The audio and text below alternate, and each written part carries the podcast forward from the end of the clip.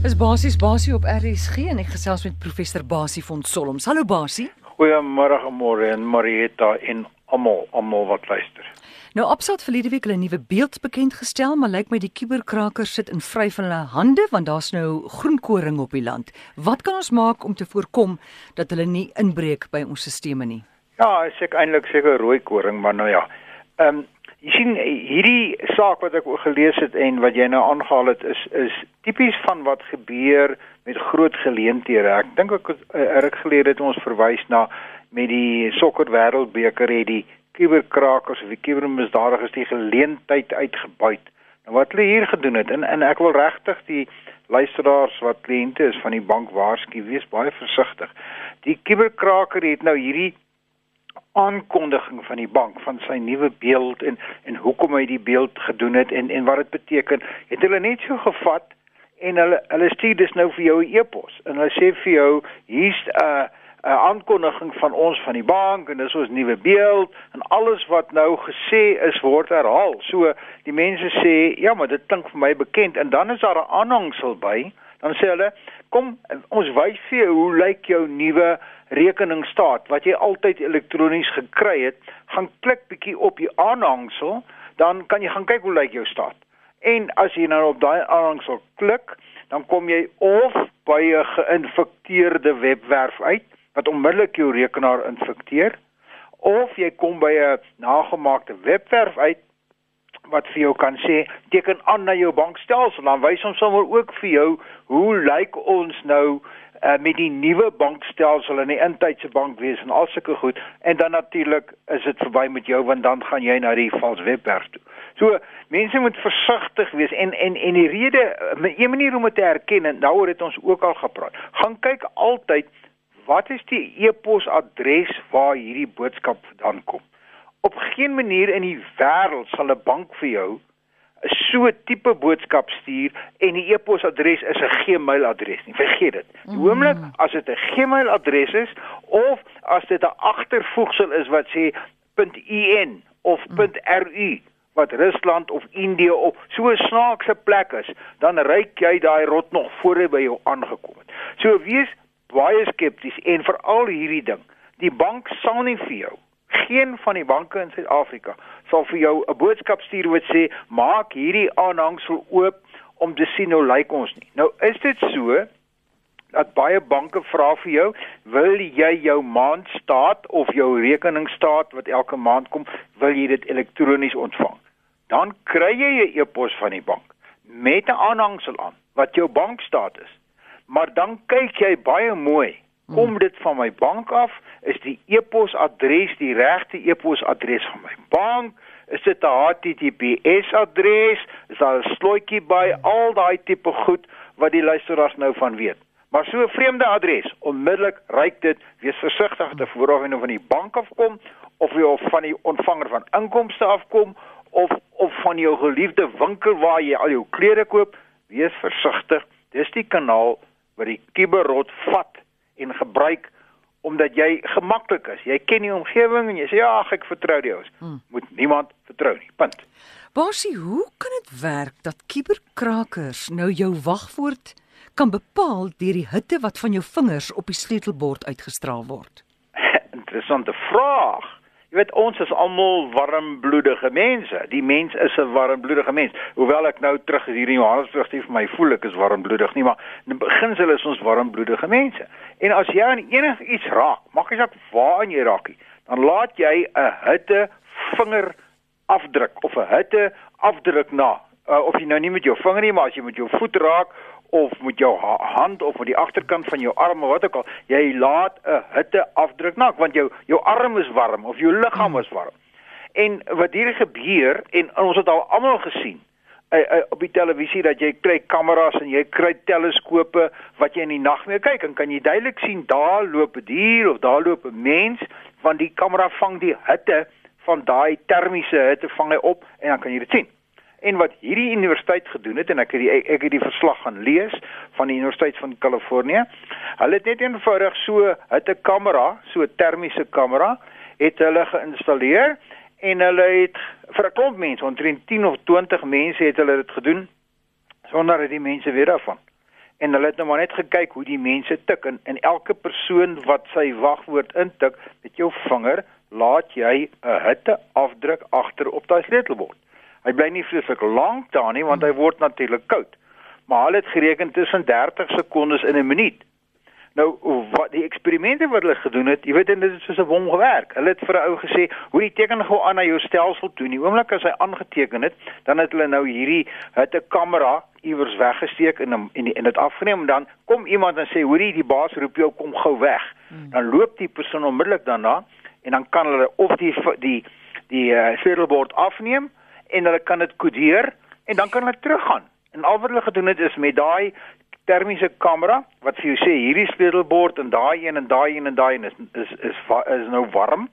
En kom ons sê jou wagwoord is 6 karakters, dan sal 6 toetsbordjies of toetse toetse wat warm is. En nou het hulle net eenvoudig begin eksperimenteer met daai 6 kombinasies en in die meeste gevalle het hulle die wagwoord gebreek. Nou, jy weet wat interessant is hiermee is dit net dis net weer nog 'n manier wat jy wat jy die stelsel mee kan aanval. En hierdie is vir my hmm. kommerwekkend want hierdie termiese kameras is nou al so dat jy dit kan amper op jou selfoon. Binnekort gaan ons ek is seker daarvan gaan ons hier hmm. vermoë hê as dit nie al klaar daar is nie om van jou gewone slimfoon af termiese foto's te neem. Ek dink jy kan dit amper al klaar doen.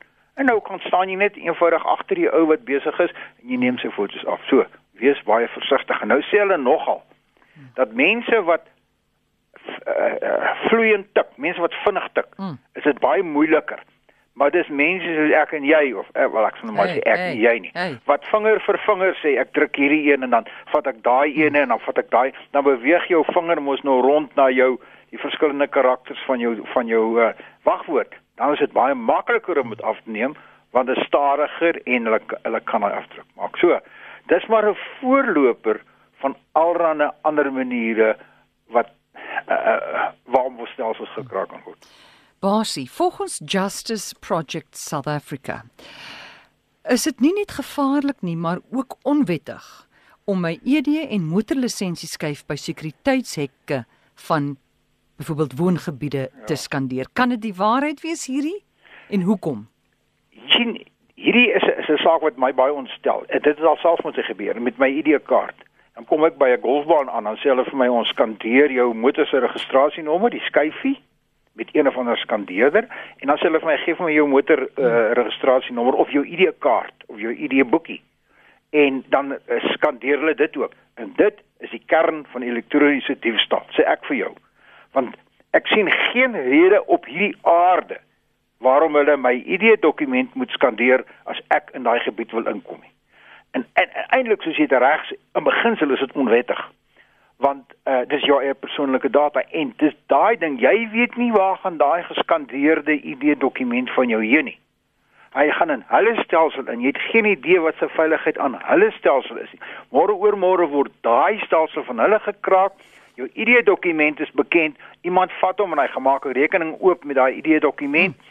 Uh en hy gaan koop goed op jou rekening en jy bou skuld op. So, my advies hier is, onthou ons het jare wat gelede het ons gepraat, as iemand jou forceer om 'n kredietkaart om 'n strokie. 'n uh, tellerstrokie te teken as jy by die supermark is, weier om dit te doen, jy hoef dit te doen nie, of maak net 'n kruisie daar. Hierdie geval as iemand vir jou sê ek wil met 'n skandeerder 'n elektroniese skandeerder wil ek jou ID dokument of jou ID kaart skandeer, weier dit net eenvoudig. Nou baie mense sê dis 'n noodgeval of ek moet ingaan, ek gaan by my vriende kuier wat binne die kompleks ja. is, dan staan jy maar net eenvoudig in die tou tot hulle iemand gaan roep wat jy weet wat jou gaan help, maar dit is in beginsel onwettig. Maar basies gou vinnig, eh, hulle vra gewoonlik jou bestuurslisensie. En dit is ook seker onwettig van jou ID-nommer is daar ook, maar wat van jou motorlisensie? Hulle kan dit mos skandeer.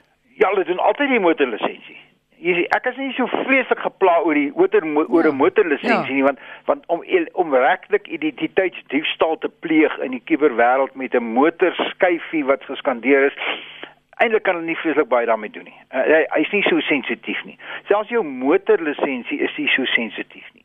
Maar jy moet onthou as jy 'n rekening wil gaan oopmaak by 'n bank mm. of by 'n winkel, dan sê hulle vir jou gee my jou ID dokument. Ja. Meeste van hulle vat nie eers jou bestuurderslisensie nie. Hulle sê nee, ek soek jou ID-dokument. Gaan kyk maar ja. as jy as jy 'n uh, 'n uh, nuwe SIM-foon wil registreer onder ja. die RICA wet, ja. dan sê hulle nee, nie jou motorlisensie, ons soek jou ID-kaart. So jou ID-dokument of mm. jou ID-kaart, mm. dit is die belangrikste dokument ja. wat jy het in hierdie land van ons. Maar basie, by, by baie van hierdie komplekse, hulle vra hulle vra nie jou ID nie, hulle vra jou jou motorlisensie, ag jou bestuurslisensie. Ja, jou bestuurslisensie. Ja, ja, so jy sê dit is ook nie goed nie want jou ID is daarop. Ek is eh, ek ek ek sou ek sou versigtig wees daarmee, mm. maar ek sal nie so ek is nie so bekommerd oor my bestuurderslisensie. Okay, goed. As met my ID dokument, die want die mm. die ek gaan nie rekening kan oopmaak met my moederlisensie nie, ja, maar ja. met my ID. So wees versigtig daarvoor en vra baie mooi. Mm. doen navraag by die kompleks of waar ook al. Hoekom wil hulle dit hê? Maar ek sou sê die parkeerskyfie mm. en die motorlisensie is tog 'n veiligheidsfaktor. Ek gaan nie daaroor so wakker lê nie, maar vir my ID-dokument, ikona. Ja. En dan verstaan ek jy het ook wenke oor antivirus eh, programme vir Android. Ja, ek toestaan. kry vreeslik baie e-posse van mense wat vir my sê, "Weet jy watter antivirusprogram of alti uh, anti kwaadwillige programmatuur, sogenaamde malware program beveel jy nou aan as as die beste en dan in altyd in groot letters dit moet gratis wees. Ek wil nie betaal daarvoor nie. Nou eerstens ek beveel geen produk vir niemand aan nie. Ek het nie 'n verantwoordelikheid nie.